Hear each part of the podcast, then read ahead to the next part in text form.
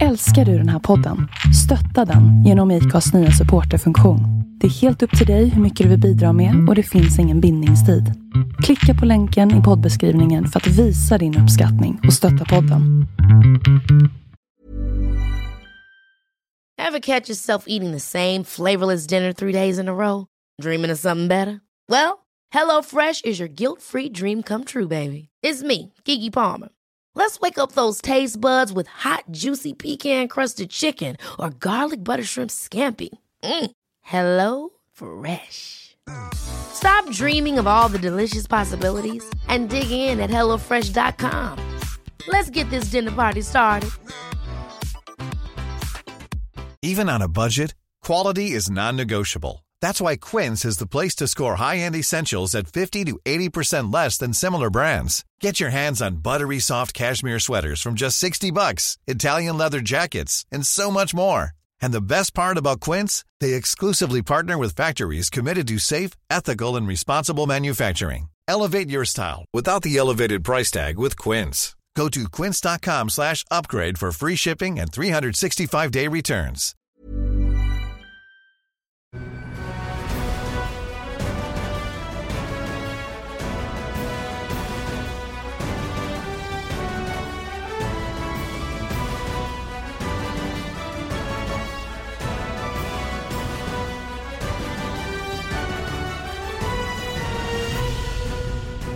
Hej och välkomna till en eh, ny MotoGP-podd med mig, Tobias Lajon och med Andreas Mårtensson. Andreas, hur mår du här under eh, vintermånaden, vabruari som det kallas?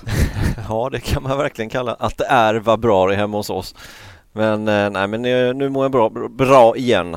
Ja. Eh, tycker jag. Solen lyser ute och det är lite vårkänsla i luften tycker jag. Mm. Vad tycker du själv? Ja, jag tyckte också det var det när vi åkte till eh, kontoret idag då och eh, förberedde oss för det här. Men eh, ja, jag, jag kände också vårkänsla. Jag vill ändå inte att vintern ska ta slut. Jag är sugen på lite skidåkning ytterligare och eh, Äh, säg som det du vill åka, Isåkning. Precis, du vill åka cross på isen, det är det det handlar om. Ja, det vill jag faktiskt väldigt gärna. Så jag hoppas att det håller i sig lite kyla ett tag till. Vi har ju meckat lite hoj idag. Mm, det blir bra. Lyfta, lyfta utseendet på ishojen. Det behövs efter några år. Det blir ingen ny hoj, det blir ny plast istället. kan det gå snabbare på det tror du? Tveksamt. Ibland tror man ju det i alla fall om man tittar på, um, på det som sker på utvecklingen på, på MotoGP-cyklarna här nu. För det har varit lite grann kring aerodynamiken faktiskt på... Nu växlar På du över till den, ja precis. Ja. Du kanske ville hålla kvar på ishojen där? nej, nej, nej, nej. Du ska få testa den där ishojen, ska du se den går fort den där. Ja, det tror jag säkert.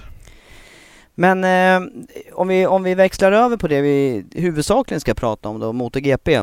Så har det ju varit eh, det första testet, första officiella testet och dessförinnan ett test med eh, eh, alla testförare på plats. Ja, exakt. Stoner bland annat var ju och testade dagarna innan på Ducati. Det var ju flera andra förare också. Sen så var det officiella testet, tre dagars på Sepang, Malaysia. Toppades av Lorenzo. Mm. Är du förvånad? Eh, nej, det, det är inte, inte jätteförvånad. Eh, men däremot är jag lite förvånad att han åkte den tiden han gjorde för det var ju ett nytt rekord för den banan. Mm. Ja, det är jag imponerad över. Och vi vet ju att de eh, gjorde om den här sista svängen också till förra året med en annan banking där. Så att eh, ja, jag, jag tycker det här var en vass prestation utav Lorenzo då. Sen var det lite mixade resultat där bland eh, övriga Ducati-förare. Tycker du att det var några som eh, stack ut utav de övriga förarna hos de röda då? Eh, nej men eh, Lorenzo framförallt då givetvis i och med att han toppade men även Miller tycker jag gjorde väldigt bra ifrån sig och, och eh, femte plats för hans del GP17 första egentliga riktiga testet på Ducati. Eh, det måste jag säga, det är imponerande. Verkar ju som att det går hyfsat snabbt att ställa om till Ducati. Har ju varit svårare faktiskt för förare som har kommit till Honda de senaste åren. Ja, det, precis. Eh, alla har ju sagt innan att nej, men det är jättesvårt att ta sig till Ducati, den är väldigt speciell den cykeln. Men eh, det verkar som att den där Hondan är inte heller speciellt lättkörd. Åtminstone inte i de lägre rankade teamen. Då verkar den vara en väldigt svårkörd hoj. Mm. Och egentligen så är det ju Marquez som har, som har varit den som konstant har Ja, lyckats med ja, den. Pedrosa har gjort några, några riktigt bra race men, men inte, i någon, inte i någon helhet. Men Pedrosa han var snabb här i, i Malaysia också. Ja, visst var han på en andra plats bara en, ja, 1800 delar efter eh, Lorenzo så han gjorde också ett bra test men Marquez nere på en sjunde plats hans race pace såg extremt bra ut. Så att eh, han jagade inte de sista tiondelarna på det här testet utan mer, mer race pace och utvärdera vilken motor de ska köra. För tittar man på helheten inför sådana här tester så är det ju väldigt välplanerat vad som ska köras igenom för grejer på plats. Visst är det så. Det handlar ju inte om att sätta en bra tid utan här handlar det om att sortera ut vilka grejer som ska användas under säsongen och speciellt motorn. För motorn när vi väl kommer till Qatar och första träningen drar igång då är den låst den motorn. Då får man inte byta typ av motor utan då är det den motorn som gäller. Och eh, gör man då bort sig som till exempel Suzuki gjorde förra året då får man dras med en motor som inte är bra på hela året även fast man då har åtta, nio motorer att välja på. Eller 7 eh, beroende på hur man har presterat säsongen innan så, så, så vill det till att välja rätt konfiguration. Mm. Och vad är det man tittar på där? Vad är det för saker som, som förarna ger feedback på till exempel? Lätt, att den är körbar helt enkelt, att den har effekt över hela registret, även toppeffekt, även motorbroms. Det är många saker som man måste utvärdera för att det ska fungera på rätt sätt. Mycket kan man ju styra med elektroniken också i och för sig. Visst kan man göra det. Eh, tittar vi på Honda de senaste tre åren så har de gått från att ha en Screamer-motor, sen bytte de rotation på den Screamer-motorn och sen bytte de till Big Bang. Eh, tills i år så kommer det inte ske en sån stor förändring men de kommer ändå göra en förändring på deras 18-motor och, och där det vill till att välja rätt spår. Mm. Ja, känsligt är det i alla fall med, eh, med eh, återkopplingen till föraren som vill ha, som vill ha en, eh, som du säger, en lättkörd cykel i slutändan. Men sen kommer man ju inte ifrån det här med att det måste finnas effekt också. Det ser man ju på de här snabbare banorna. Med, ja. ja. inte, bara med hög, inte bara med hög snitthastighet men när det är tuffa accelerationer. Ja, visst är det så. Visst är det så. Nej men tillbaka lite till just till eh, Miller och Rabatt. De körde i samma team förra året. De gick över till varsin Ducati tills i år. Och redan här på testet alltså femma Jack Miller, 11 Tito Rabatt. Det är det tyder på att den där GP17-cykeln som båda utav de förarna sitter på, den, den är nog rätt bra alltså. Mm. Det, det, visar ju inte allra, allra minst Dovizioso givetvis, inte så. Men att de kan ställa om på det här sättet så pass fort, de här två förarna som som i mer eller mindre låg i bottenskiktet hela förra året. Speciellt rabatt och redan nu tar ett kliv och är på övre delen av listan. Det är imponerande. Mm. Ja, spännande. Det är framförallt eh, eh, som du säger där, Ducati-förare som, som eh, lyckas bra med det och, och de som inte sitter på fabriksmaterial. Men det är Lorenzo och eh, Dovizioso som åker eh, fabrikscykel och nu var alltså Lorenzo snabbast där. Ser du någon eh, möjlighet för honom att, att fortsätta vara så här snabb under, eh, under hela året? Lorenzo. Mm. Eh, och utmana Dovizioso både, både enstaka race men även under en eh, full säsong. Ja men det tror jag faktiskt. Jag tror Lorenzo kan, eh, kan vara med och utmana Dovizioso. Sen om det kommer räcka att utmana om titeln, det är en annan sak. Eh, det tror jag nog inte. Men jag tror nog att han kan vara med och vinna race i år, Lorenzo. Det tror jag. Mm, det måste i alla fall vara en starkt uttalad målsättning hos honom och ja, Ducati att ja, nu, nu, måste det ske han måste ju ta över första förarpinnen i teamet igen från Dovizioso. Det, det måste ju vara Lorenzos mål. Eh, givetvis Dovizioso vill ju att det inte ska bli så. Vad tror du? Ja, det, det, är ju alltid speciellt tycker jag med de här förarna som har varit världsmästare och dessutom flera gånger. De har ju någonting extra. Så har det ju visat sig. Eh, och får han, jag tror att får Lorenzo till det här, eh, de, de bitarna som han har saknat så Mm. Ja, jag skulle kunna tänka mig att han kan vara med långt in på säsongen och, eh, och, och kämpa om toppplaceringen totalt i VM också. Du tror det med? Ja, jag tror det faktiskt. Men Dovizioso förra året sex segrar. Mm, ja, det var imponerande. Vi var ju inne på det i eh, förra podden vill jag minnas och, och prata om det här med eh, just att det, det, var ju låga poäng generellt under fjolåret. Det var många misstag på flera av toppförarna. Misstag och, och tekniska problem. Frågan är om man får en sån säsong till här där det, där det går många förare emot enstaka gånger. Jag vet inte, jag tyckte det var oväntat, ovanligt mycket sånt förra året. Ja det var det, det var det, det har du helt rätt i. Men, men det finns också många förare i år som kan vara med och slåss om poängen. Tycker jag. Jag tycker alla sex stora fabriksförare, om du får säga så, Ducati, Yamaha och Honda kan vara med och vinna race. Och lägg till där Crutchlow och Sarko. Vi har åtta förare som i mitt tycke skulle kunna vinna race. Mm. Sen får vi ju inte glömma Pramac Ducati Nej, heller absolut. med, med Petrucci, Exakt. Som var uppe och verkligen nosade på segrar ett par gånger förra året. Och hur, hur kan Suzuki prestera med Janone? Janone har vunnit race förr. Mm. Och Rins har tagit rejäla kliv här framåt på testet. Så det, det, är, Ja. det är inte omöjligt att vi får se en sån säsong i år igen. Nej. Där, där eh, helt enkelt att vi får se olika segrare och poäng tas av varandra helt enkelt.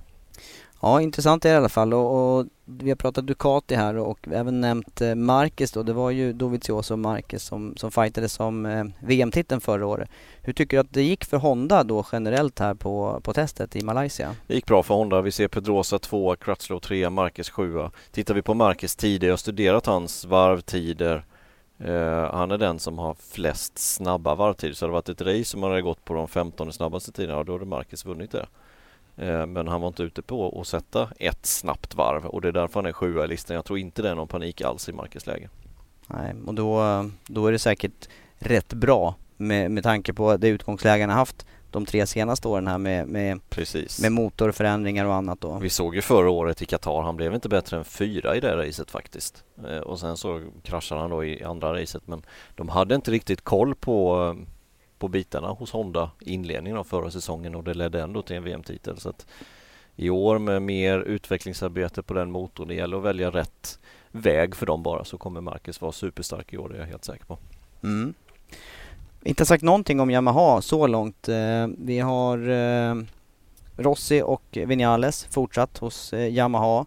Vad tycker du om deras, de här tre första dagarna på, på cyklarna i år? Ser bättre ut tycker jag än, än vad det gjorde eh, i slutet av förra året. Betydligt bättre. Eh, men det är svårt också att, att dra några slutsatser för de, de har egentligen byggt en, en helt annan typ av chassi till den här hojen och det var de ju tvungna att göra för ingen var ju nöjd med det här 17 chassit. Inte ens Sarko som var så himla nöjd med det chassit i Valencia. Sista testet. Valencia. Ja, sista testet han fick testa den där Mm. i Valencia. Då var han så jättenöjd med den. Men, men nu har de gått tillbaka till ett äldre chassi sen om det är ett 16 chassi eller vad det är för någonting men ett annat chassi. Eh, så att det är lite svårt att tyda deras tider tycker jag just nu vad de testar och inte testar. Men tittar vi på resultatlistan så är de ju inte superhögt upp. Det är Rossi 8 och det är Vinales på en 18 plats och under dag 3 så hade de också lite när de kommer med sådana här kommentarer att vi, vi vet inte riktigt vad som hände. Vädret slog om eller det var hit och dit. Hur ska man tolka det? Ja, vi menar att det kan vara lite en eh, flyktväg för dem eller? Ja, delvis det men också att, att om någonting sånt förändras och det är bara de som kör sämre då, då känns det som att då är det något annat som är knas. Mm, så kan det vara. Vi såg ju stora problem under fjolåret här i, vissa temperaturförhållanden just och, och då var det ju de här varma racen då Barcelona och Jerez där, där de var helt offside. Ja, där var de inte med alls. Men Vinales vet jag gjorde några bra race-simulationer här. Där, där Ja, han var nöjd med, eh, med tiden över en race-distans. Men däremot eh, svårt eh, att sätta de här enstaka snabba varven. Men det där är ju lite, det kan ju vara kritiskt också har vi ju sett med, med att kunna göra de här bra kvalvarven åtminstone. För med en sämre startposition så är det ju inte helt lätt att, att prestera bra på alla banor. Nej, det är det verkligen inte. Sen har vi då Sark också som, som kommer att vara enda utav de två förarna hos Tektroa som kör vidare i teamet. Eh, Folger fick ju tyvärr då lämna återbud. Han har lämnat återbud för hela säsongen här på grund av sin eh, sjukdom då som hänger i från hösten och inte, inte verkar Ja. bättra sig. Ja, ja, Eller, vad- eller vad säger du om det där? Nej, jag kan inte riktigt smälta att Folger inte ska köra i år faktiskt. Det, det känns Det känns konstigt måste jag säga. Alltså på ett sätt som, alltså hade, hade det nu, nu har de gått ut med att han är sjuk. Det är det som är officiella men jag tycker ändå om man läser lite mellan raderna så tycker jag att det är, det är någonting annat där. Hmm. Vad tänker du då? Någonting Nej, jag, jag relationsmässigt med, eh, med teamet eller? Nej, det tror jag inte men ehm, Någonting jag- utanför? Han, ja. han har ju haft någon period tidigare där det inte har varit bra i hans karriär. Det, det känns som att ehm, det är någonting annat som spökar. Att Mm. han inte kommer köra för han har lämnat återbud för hela säsongen. Jag tycker att det är ehm, Jag tycker det är lite konstigt faktiskt. Mm. Och tittar man på vad här Poncharal säger i intervjuer så tycker jag man kan läsa i, i mellan raderna där att han har varit kanske inte den bästa på att hantera press. Nej. Nej, under det, säsongen och han, han drog något exempel från Qatar, hans första MotoGP-race förra året, att han var väldigt nervös på plattan och inte mådde bra i magen och, och så här. Och, och han kanske inte pallar trycket helt enkelt. nej, det har ju flera förare som, som jag träffat genom åren vittnat om det här just då, den extra publicitet och tryck det är på just MotoGP kontra åka i Moto 2 och Moto 3 gör ju att det är en helt annan nivå på hur de är påpassade. Visst är det så. Och, och, och jag kan nu har inte jag kört på den här nivån i MotoGP givetvis men, men jag kan ändå få den känslan ibland. Jag, jag kommer ihåg det inför några, några race, kanske till och med hälften av racen jag körde de sista åren att varför gör man det här? För man kände den, det trycket helt enkelt att man tycker inte det är kul innan start helt enkelt. Nej. Eh, när man väl har kommit igång så är det hur kul som helst. Man fattar inte varför man tänkte så innan racet. Men just innan racet så tänkte man bara, varför gör man detta ens? Kan vi inte bara avgöra racet på snabbast varvtid eller någonting? Varför ska vi racea också? Mm. Eh, den känslan kunde jag få men sen så är den helt borta när man väl har startat. Men, men kan detta ha någonting med kan, kan det vara något liknande som Folger har nu inför säsongen? Han känner pressen. Han gjorde bra resultat förra året på Saxering. Han blev tvåa. Han har en grymt stark, stark teamkamrat i Sarko och det, det krävs mycket för att slå Sarko. Kan pressen helt enkelt ha gjort och, och han tar den här undanflykten då med den sjukdomen som han, som han har och, och väljer att ställa in säsongen. Jag vet inte. Nej, intressant eh, teori är det ju allt. Men jag tänker också då med, med det du säger och refererar till dig själv där. Vad, vad tror du, eller tror, vad, vad eh, grundas grundar sig din press i då? då? Minns du? Nej, jag kan inte riktigt peka på det, vad just det riktades i. Men jag, jag visste, jag, jag kommer ihåg det att jag tyckte det var mycket bättre att åka ut och träna och inte tävla. och sätta en bra varvtid. Mm. Eh, jämfört med att åka ut och racea för att det är då det gäller på något sätt. Och jag älskar ju att racea. Jag, jag älskar att racea med allt. Men just timmen innan start så undrar man, vad håller jag på med? Varför gör jag detta? Varför utsätter jag mig för den här pressen? Mm. Inte mycket risk, det var inte så du tänkte? så mycket. Nej, nej. Mer press att prestera? Ja, att man ska få ut allt, allt som man har under den korta perioden som ett race är. Och, och då är MotoGP-säsongen en helt annan sak. Du har 19 race och du har den eh, publiciteten det finns och de pengarna som finns i klassen och allting sånt där. Och Det är en helt annan press som är betydligt större än vad som jag utsattes för. Mm, ja, det är ju klart, det är en, det är en, hel, eh, det är en hel massa människor eh, runt omkring som är beroende av dina resultat på något vis. Ja, Visst är det så? Ja, intressant. Det kan, det kan mycket väl vara en del i, eh, i det som Folger har, har gått igenom under, under året. ja men jag, ja, Men jag tycker ju att det är märkligt eh, faktiskt att stryka en hel säsong oavsett anledning innan säsongen har dragit igång. När vi, vet att, när vi vet att förare, det är klart att medicinska åkommor, det är, det är inte så himla lätt för oss att spekulera Inte lätt för Nej. mig att spekulera i men, men jag menar allt, eh, allt som man har någon kännedom om, där, där kommer ju det det är ju det är ju få saker som håller tillbaka en förare. Längre än nödvändigt menar jag. Visst är det så. Och ett år känns Det, ju länge. det kan ju vara någonting helt annat som man har drabbats av som man inte vill gå ut med eller det kan vara någonting annat som har hänt. Eh, Men jag, jag tycker att den anledningen som han har givit den här sjukdomen tycker det, jag tycker det verkar lite konstigt. Mm. Jag tycker det. Ja, vi får anledning att återkomma till det såklart när, eh, när vi får mer eh, kännedom om vad som kan ligga bakom Folger då. Men äntligen så har man i alla fall hittat en ersättare till, till nästa test. På testet i eh, Malaysia då var det ju Johnny Hernandez som eh, körde den cykeln. Och Ja. eh, nu så är det eh, för testet i Thailand som väntar så är det Hafish eh, Kör som vi hade i Moto 2 förra året. Ja, så är det. Syerin kommer ersätta två pallplatser förra året i Moto 2. Eh, två tredjeplatser men den ena tredjeplatsen här på Misano blev ju en andra plats i och med att ägaret blev diskad efter det racet. Eh, tio totalt i VM för Syerin eh, och nu får han då chansen i, eh, i Tech 3. Eh, ja, vi får se hur det kommer gå helt enkelt. Mm, du låter inte så här super, super optimistisk. Nej, men det är, ju det är ju verkligen en, en, det är också en sista minuten lösning ska vi ha klart för oss. För att eh, Kjell var ju klar för eh, Moto 2 under, eh, under Johan Stigefelt Ja, i, i det och, teamet. och där tror jag han skulle kunna prestera väldigt bra resultat Mm. i Moto 2. Ja, Eh, det tror jag. Men, men jag är lite osäker mer på hur det kommer gå här i, i MotoGP. För det, det är en helt annan sak. Men det är fortfarande en ung förare, 23 år absolut, gammal. Absolut, och det ska bli kul att se honom, vad han kan prestera. För det är, det, det är ingen dålig förare, absolut inte. Jag såg han i Spanien första gången när jag körde där nere 2012, 13 eh, Och han var snabb redan då, snabbare än de andra förarna som körde mot honom där som sen tog, vidare, tog steget vidare till GP och presterade där. Eh, och där var han lika snabb om inte snabbare men han fick chansen lite senare.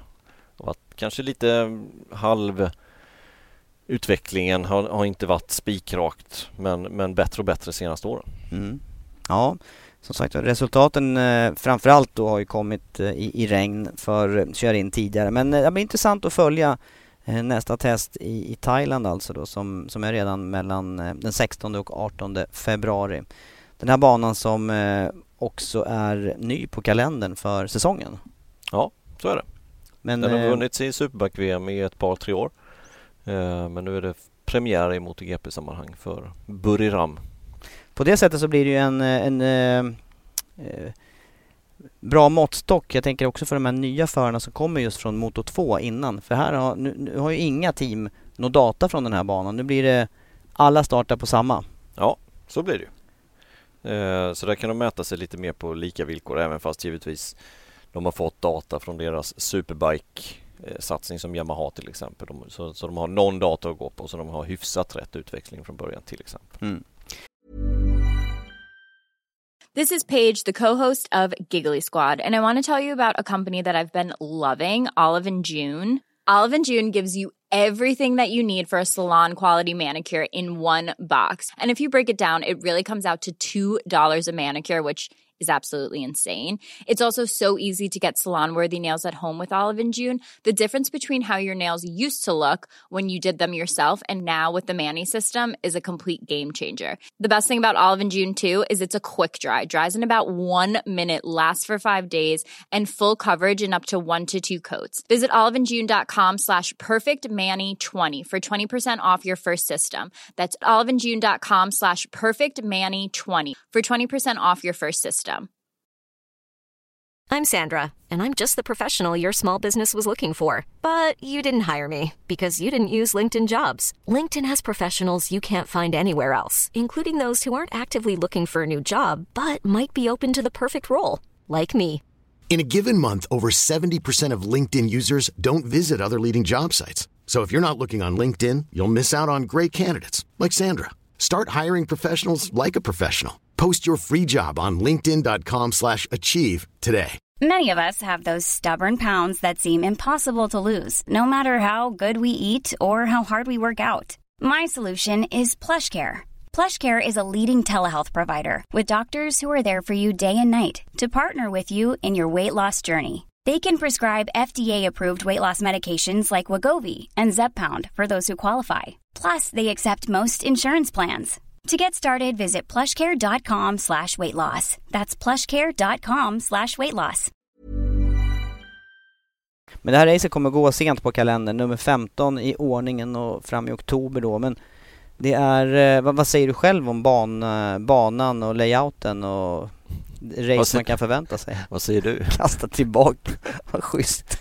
Nej men jag har ju sett Superbike-race där och jag känner mig ju ganska nöjd med det. Jag höll, höll faktiskt med, eh, det var väl Valentino Rossi som sa på en presskonferens under fjolåret att han hade ju helst inte åkt dit.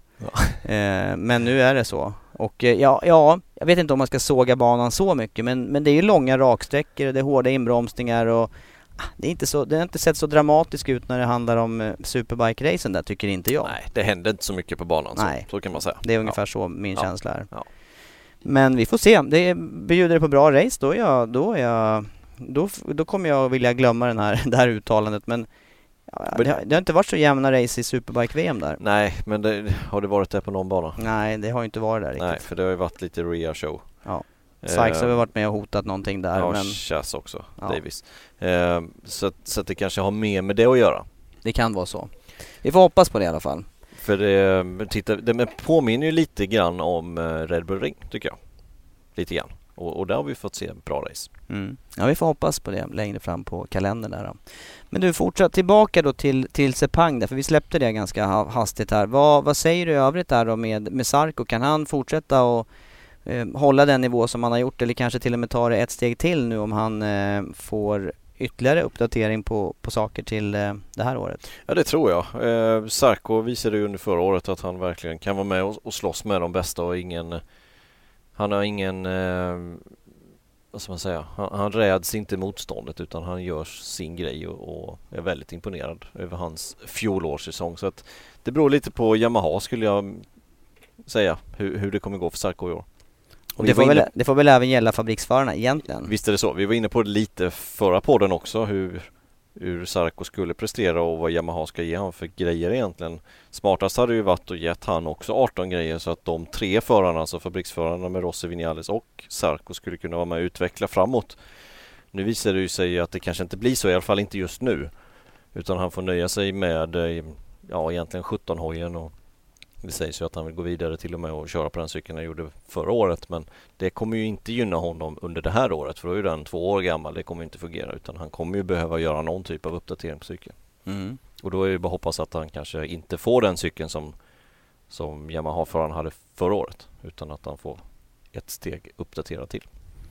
Ja, vi får eh, kanske lite ytterligare ledtrådar då på testerna här. Jag såg förresten i, i förmiddags att han var, han var på Michelin i på något besök. Såg du det? Nej, det såg jag inte. Clermont-Ferrand i Frankrike då? Det är mycket möjligt. Om det var, om det var huvud... Ja, men jag tror det var huvudkontoret ja. och fabriken på, på Michelin och han eh, fick låna något piano där när han både spelar piano och sjunger samtidigt inför, inför Michelin-folket. Mm -hmm. Imponerande. Ja. Leta upp det här klippet om ni, om ni hittar det. finns på Michelins Twitter om inte annat. Kolla det. Ja, det är intressant. Toslan var väl den senaste annars som var duktig på eh, han spelar väl både piano och kanske och övriga, övriga, övriga, instrument också. Toslund som finns också i depån. Mm, stämmer. För eh, brittisk television. Ja. Men vad jag tänkte på där annars, eh, musik då. Det var ju annars inte så populärt det här som Rossi och Vinales gjorde. Hade inte de också något eh, musikklipp där de sjöng och spelade på en eh, reklam, reklam eh, snutt? Ja, vi får kolla upp det. Jag är ju, jag är ju den som är lite sämre på att följa sånt här så att eh, Ja, jag hörde, jag hörde bara i text lite kritik mot det där. Okej, okay, okay. Man ska, ja, kanske, man ska kanske göra det man, man är bra på. Sarkos klipp där, han var, tycker jag var bra på att spela piano. Sjunga vet jag inte, det var någon fransk låt han sjöng. Det kanske är någon jättekänd som inte jag känner till men i vilket fall som helst så var han ganska bra på att spela piano. Kanske var Frère Jacques, det är broder Jakob på franska. Kände du inte igen den? Nej men du får nog, eh, du får nog lyssna på det där för jag ska du kan, du kan jag ska ju franska. Jag ska göra, se om jag förstår någonting. Skulle du visat dig innan den här podden så hade du fått se men mm. ja, det får bli efter. Men du, vad jag är intresserad över då, då vi snackade motorer här Sepang, men även aerodynamiken eh, är ju nästan tillbaka på den nivå som ja. den var när man eh, drog bort det inför fjolåret. Vad händer? Nej, jag undrar faktiskt det också. När man Förra året kom eh, Ducatis lösning, den var ju radikal den här Hammerhead eh, och eh, som de sen körde med från Bruno. Eller en liten uppdaterad version av ja. den de först visade. Och nu ser ju Hondas lösning ut i princip likadan. Hade den varit röd och det stått 99 på den så hade jag nog knappt sett skillnad. Nej det känns så faktiskt. Den är väldigt lik. Yamahas lösning däremot, det ser ut som att den kommer från 2015 när vingarna var som mest på de här cyklarna. För den den, den ser ännu mer radikal ut, tycker jag. Ja, och eh, vad, vad, ska, vad ska reglementet ta vägen då? Nej, jag tror de behöver strama åt det här igen, faktiskt. Ja. Ja, för vingarna hjälper ju till. Steg ett var ju för att hjälpa till när man förenklade elektroniken. Ja, exakt. Precis. Och se till att hålla framhjulet i backen och öka trycket där och så vidare. Men Ja, sen har vi diskuterat det där vi i sändningar många gånger och för och nackdelar med de här vingarna. Ja, det är min enda invändning genom åren, de, de år det har funnits har ju varit den här säkerhetsbiten egentligen om det ska flaxa iväg någon vinge där och när de var popnitade på mer eller mindre på sidorna där. Ja, fast det verkar inte ha varit någon risk egentligen. Nej, vi har ju inte sett något speciellt i alla fall. Det var ju någon gång när, var det Anonne som körde på Marcus i någon start var det på Jerez kanske eller något sånt där? Om någon vinge släppte? Om någon vinge släppte ja, precis. Men det var ju liksom ingen ingen, uh, ingen fara liksom utan vingen gick sönder helt enkelt och, och sen inte mer med det. Nej. Nej, vi får se vad det tar vägen också längre fram här under, under året. Men det var ju helt enkelt med lite förenklad elektronik till. Var det till 2016 års säsong när man tog bort uh, eller gjorde en enhets uh, elektronik på cyklarna? Ja, stämmer och då fick ju de här vingarna genomslag på allvar helt enkelt för att hålla ner framhjulet under accelerationen. Mm. Ja, eh, de tre stora fabriksteamen har vi snackat om, Ducati, Honda och eh, Yamaha. Eh, vi har varit inne lite grann på eh, kalendern, man har lagt till ett race eh, senare i höst då i Thailand, Buriram. Eh, sen har det hänt lite grann med eh, de existerande banorna och framförallt då race-distansen. Ehm, om vi börjar då med, eh, med de banor som har blivit lite modifierade eller förhoppningsvis förbättrade underlagsmässigt då så är det Silverstone och Barcelona. Vad är det som händer där? Ny asfalt helt enkelt på, på, på banorna och det behövdes ju. Det, förarna klagade ju rejält på Barcelona när vi var där. Vi var ju där på plats. Eh, och där klagades ju högljutt att den var väldigt bumpig och dåligt grepp och allt vad det var. Så den har de lagt om och även gjort, gjort om kurva 13 så att vi får tillbaka den där svängen, vi slipper den där F1-chikanen kontra MotoGP-chikanen kontra F1-chikanen och allt vad det var. Får vi hoppas att Miller hittar runt här nu när han sitter på Ducati. Det var ju faktiskt roligt, roligt förra året. Det var faktiskt riktigt roligt. Ja, det var roligt. Var det. Han åkte ju fel där på första passet, gång på gång på gång. Ja. Ja, och sen så, han fattade ju inte förrän han såg repriserna inne i boxen att han hade åkt fel. Då garvade han också. Till slut var ju Marcus ute och pekade efter honom att du ska åka här. Ja, följ efter mig. Första gången någon, någon i, i, toppen där ber en annan förare följa efter den andra. Och sen dagen efter så skulle alla åka den slingan som Miller redan hade gjort. Just det, det blev ändrat tillbaka ja. ja. Ja, det, var Nej, vilket, det, det, var ju faktiskt kaos. Det är ju inte värdigt ett sånt här mästerskap att hålla på på det sättet. Nej. Eh, så nu har de ju flyttat ut sandfållan där, eller flyttat ut räcket, gjort sandfållan längre, flyttat läktaren så att eh, det ska bli säkrare. För det var efter Louis Salom, hans eh, krasch där, som mm. det, man eh, gjorde den här chikanen. Men nu är alltså tillbaka till den gamla sträckningen. Ja. Men det gör ju i sin tur att den här banan får tillbaka en, en väldigt eh, bra avslutning på varvet. Ja, ja exakt. Ur, ur den tajta högen och sen acceleration in i kurva 13 och så ut 14 och så ut på startmål. Det blir en helt annan bana igen. Mm. Och det är så det ska vara. Ja, jag gillar den där avslutningen och det ska bli eh, kul att se hur, eh, hur underlaget fungerar där också. För det är också en konst att lägga bra asfalt på banorna. Visst är det det, men eh, Barcelona de, de, alltså, de kör både F1 och MotoGP, de har koll på det. Det är inga problem där skulle jag vilja säga. Vad hände på Sepang då när de la asfalt senast? Där kör de också F1 och och MotoGP. det var ju en bana, de la ju på en asfalt som inte torkade upp någon gång överhuvudtaget. Ja, just det. Men det var tydligen bättre nu på testerna i alla fall. Okay, torkade okay. snabbare så att någonting har hänt här med, med det året som har gått. Och sen satte de inte dit brunnen, eller brunnan, brunnslocken ordentligt. Det var ju under F1, någon träning på F1 där den drogs upp av Räikkönen och sen var det väl Grosjean som körde på och fick punktering och åkte rätt ut i sandfållan och räcket och slog sönder. Ja. Det hade ju inte hänt i MotoGP å andra sidan. Nej, man har inte sugit upp något brunnslock nu. Nej, det hade man inte gjort. Men de får inte sitta löst. Det, är ju total katastrof givetvis. Nej, man ska ju naja det mesta. Eller hur? Det ska ju vara någon som, inte bara på ska någon som najar brunnslock också. Ja, det måste ju svetsas till det. Men däremot så kommer ju, om vi går tillbaka till Barcelona, så kommer ju kurva 10 vara detsamma som F1. Och det är också en egentligen, det är inte en idealisk dragning på Nej. den svängen ur hojsynpunkt. Nej, det är det inte. Be beskriv skillnaden då mot vad det har varit. Ja, istället för en 90 graders böj som öppnar upp så blir det ju mer en, ja, en ännu tajtare vinkel. Ja, det blir det. Extremt tajtare. Brant ingång. Vi såg ju bland annat de här bromsduellerna där med Lorenzo och Janone va, som Just det, höll för, på att sluta illa. För, förra året. Ja, det måste ha varit förra, förra året ja. Mm, när Janone körde på Lorenzo. Kolla på mitt ombordvarv annars för jag bromsar på mig först. första, andra och tredje varvet. Vi behöver inte gå så långsamt till dem, det är bara att kolla på det du gjorde. Ja, nej, det var ingen, det var ingen höjdare. Nej, det, nej det är den, så... den är tight, Men det, tight. Det är nästan till som att jämföra med att bromsa till stopp. Det är inte heller så lätt nej. maximalt. Nej. För det gör man sällan, men det är ja. nästan att man gör det. Ja, faktiskt. Väldigt, väldigt långsamt. Ja. Testa det. Är... Testa det på sporthoj. Bromsa till stopp, men med, med maximal bromsverkan. Det är svårt att veta exakt var man stannar. Ja, den är, den är krånglig den svängen faktiskt. Det, det, den, det är ingen normal eh, sväng för motorcykel att ta om man säger så. Ja, man vill gärna ha den där någon meters spelrum liksom där det går att driva ut om det ja, behövs. Ja, det är ingen normal riktig sväng men där måste man ju Den var man ju tvungen att göra för att om man fortsätter hela bakrakan ner så, så det finns ingen plats för en större samfålla helt enkelt. Nej. För att då, banan går ju på utsidan där sen. Det är ju in till sista svängen så det, det går inte att göra på något annat sätt. Silverstone har inte samma nya dragning utan där handlar det mer om ny asfalt. Mer om ny asfalt, ja. Exakt. Vad säger du sen då kring det här som har hänt under vintern att man har eh, bestämt sig att korta ett antal race med eh, ett eller i några fall eh, två och till och med tre varv i Valencia?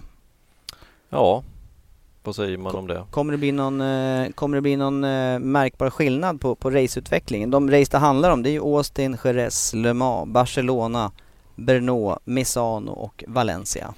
Kanske på något race där, eh, där bränsleförbrukningen har varit på limiten helt enkelt. Att man kan vrida på lite, men, lite mer effekt på just de cyklarna. Men å andra sidan är det ju lika för alla.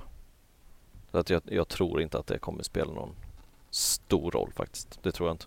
Men anledningen har mest varit för, för tv-sändningar. ja, för tiden helt enkelt. Att, att racetiden i torra förhållanden ska bli ungefär eh, ja, mellan 39, 40 och 42 minuter och inte som kanske upp till 45 minuter som vi har sett på Valencia.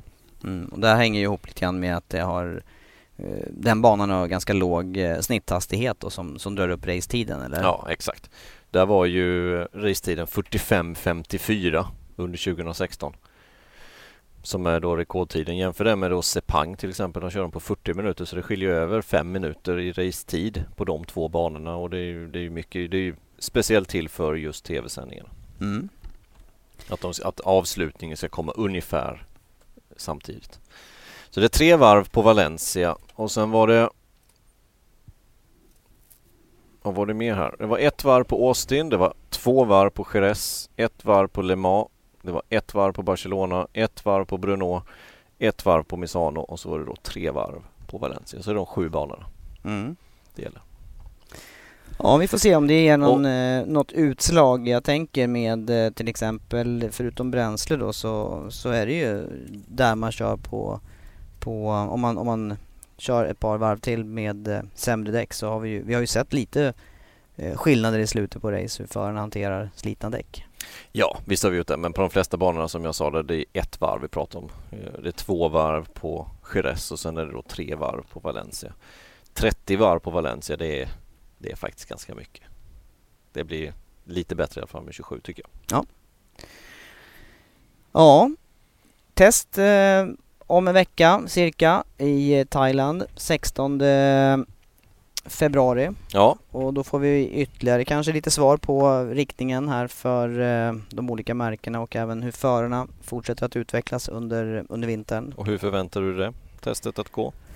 Ja, för det är ju helt oskrivet kort där som vi var inne på med, med eh, fakta från, från tidigare eh, och, eh, eller data då och eh, ja, jag förväntar mig eh, ungefär det vi ändå vi har sett här i, från Malaysia här att det kommer att variera lite från dag till dag. De som får till enstaka snabba varv och nej, jag kan inte, jag kan inte vara något precis alls i det här. Jag, sk- jag tror att, eh, lite som vi var inne på, att flera märken kommer att vara representerade högt upp och även eh, flera förare och jag tror att det kommer att hålla i sig även under, under säsongen. Att vi, att vi kan få en sån här jämn och tät säsong som fjolåret var igen. Mm. Det är i alla fall min förhoppning. Ja, det hoppas vi på. Det hoppas vi på. Vad, ehm, om vi tittar på de tio, om vi lägger ihop de tio snabbaste varvtiderna. Vem tror du kommer vara snabbast då? För ett enstaka varv under test, det spelar inte speciellt stor roll. Om man, om man lyckas sätta, om man, om man prickar ett varv, det spelar inte så jättestor roll. Men större, eller mer viktigt är ju hur man prickar 10, 15, 20 varv. Mm. Ja, men jag är inne på, jag är inne på Marcus där som en utav dem och eh, ja, ja jag sk- De vanliga. Skulle, skulle önska att eh, Lorenzo tar det klivet också så att han, Mm. att han kan vara med. Och det kanske, det kanske han kan göra just i, i Thailand här då med en sån här bana där, där det krävs lite motor och Ja. acceleration. Det är inte alls omöjligt att, ehm, att Thailandsbanan passar väldigt bra för Ducati. Kan vi få se Miller ta ytterligare ett kliv framåt också då kanske? Det hade varit kul. Det hade varit jätteroligt. Han har ju vunnit race för två år sedan. Ja, det har jag gjort. Ja. Speciella förhållanden. Jo, det var det.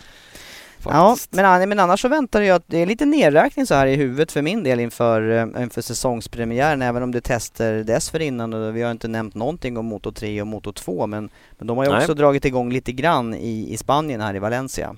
Det har de gjort men eh, den här tiden på året i Valencia är lite osäkert så det var lite, det var väl hela första dagen blev nästan inställd. De körde lite andra, lite tredje. Kallt och, regnigt var det första dagen i alla Ja, fall. visst var det Var det Baldassarri till slut som toppade i Moto 2? Mm. Och sen var det, och sen var det eh, Rodrigo i Moto 3. Det stämmer det, Rodrigo. Har de tagit in någon ersättare där förresten? För Från Guevara? Ja, precis. Vi fick en förare som hoppar av, ytterligare en förare som hoppar av. Juan Fran Guevara ställde in hela säsongen också. Det har jag faktiskt inte kollat. Det har jag faktiskt inte eh, kollat. Men, RBA men, eh, Boe. men däremot så verkar i alla fall KTM eh, svara lite grann på, på Hondas eh, framfart under fjolåret i just Moto 3-klassen. Ja. Och så är det sista säsongen med Honda-motorer i Moto 2. Sen Ja. blir det Triumph. Ja. Ja. Nej, Moto 2 ser jag fram emot, även Moto 3 men Moto 2 framförallt ser jag fram emot jättemycket i år för jag tror det kan bli extremt tätt. Många riktigt bra förare. Några som kommer tillbaka från MotoGP, jag tänker på Barbera till exempel. Juan Mir, Mm. han är jag spänd på. Vad han kommer prestera. Jag tror att det här är våran, eller våran, jag tror att det är nästa superstjärna. Nej, Ja, det blir intressant. Men Ja, det blir men det kan- intressant det att kan- se. ja, jag, jag, kan. jag tror väldigt, väldigt mycket på, på Juan Mir. Jag tror han kan gå riktigt långt. Mm. Nej, men sen är ju säsongspremiären bara en dryg månad bort och då, då är det dags igen då för kvällsrace i Qatar och en, eh, Ja. en lite reviderad racehelg. Den har ju varit fyra dagar de senaste åren men nu har man dragit ner den till tre och sen även tidigare lagt schemat lite grann så att eh, det blir ju bara MotoGP-loppet som kommer att gå i, i mörker där så vitt jag förstår. Ja, så blir det. 35 dagar är det kvar. Det vill säga fem veckor. Det är nästan så du kan börja med den här kammen nu och bryta Ja. bort den. Ungefär 35 taggars kam. Ja. ja, det är nära. 35 dagar är det. Det är fredag idag när vi spelar in den här podden. Eh, och exakt fem veckor så är vi på plats i Qatar. Mm, det ska bli spännande. Igen. Hoppas också att vädret då är stabilare än vad det var under fjolåret. Det var ju, ja, det var ju bland de Du- värsta översvämningar jag har sett. Är det inte så att du har varit där två gånger i Qatar? Jo. 2009, 2017 Ja. och båda gångerna har det regnat. Ja. ja, nu är jag inne i en sån period där jag hoppas att det inte är jag som orsakar allt, den här, allt det här eländet men eh, jag hoppas att det Det låter ju sådär. Men det låter sådär ja. Hundraprocentigt. Ja, nej, vi får hoppas regn. att det är bättre väder. För, förra året var det ju, var ju, det var ju ett hav Ja det var det verkligen. ute i banan. Ja. Eh, jag tycker det är dags att runda av den här podden. Vad säger du? Ja, men vi gör det. Så Vi gör det. återkommer vi efter nästa test. Ja, så får det bli. Så Och har vi kanske lite, lite, mer Moto 2, Moto 3 då. För då har de hunnit testa också. De ska till Jerez testa. Ja, vi rundar av denna MotoGP-podd och så hörs vi igen. Tack för att ni lyssnat.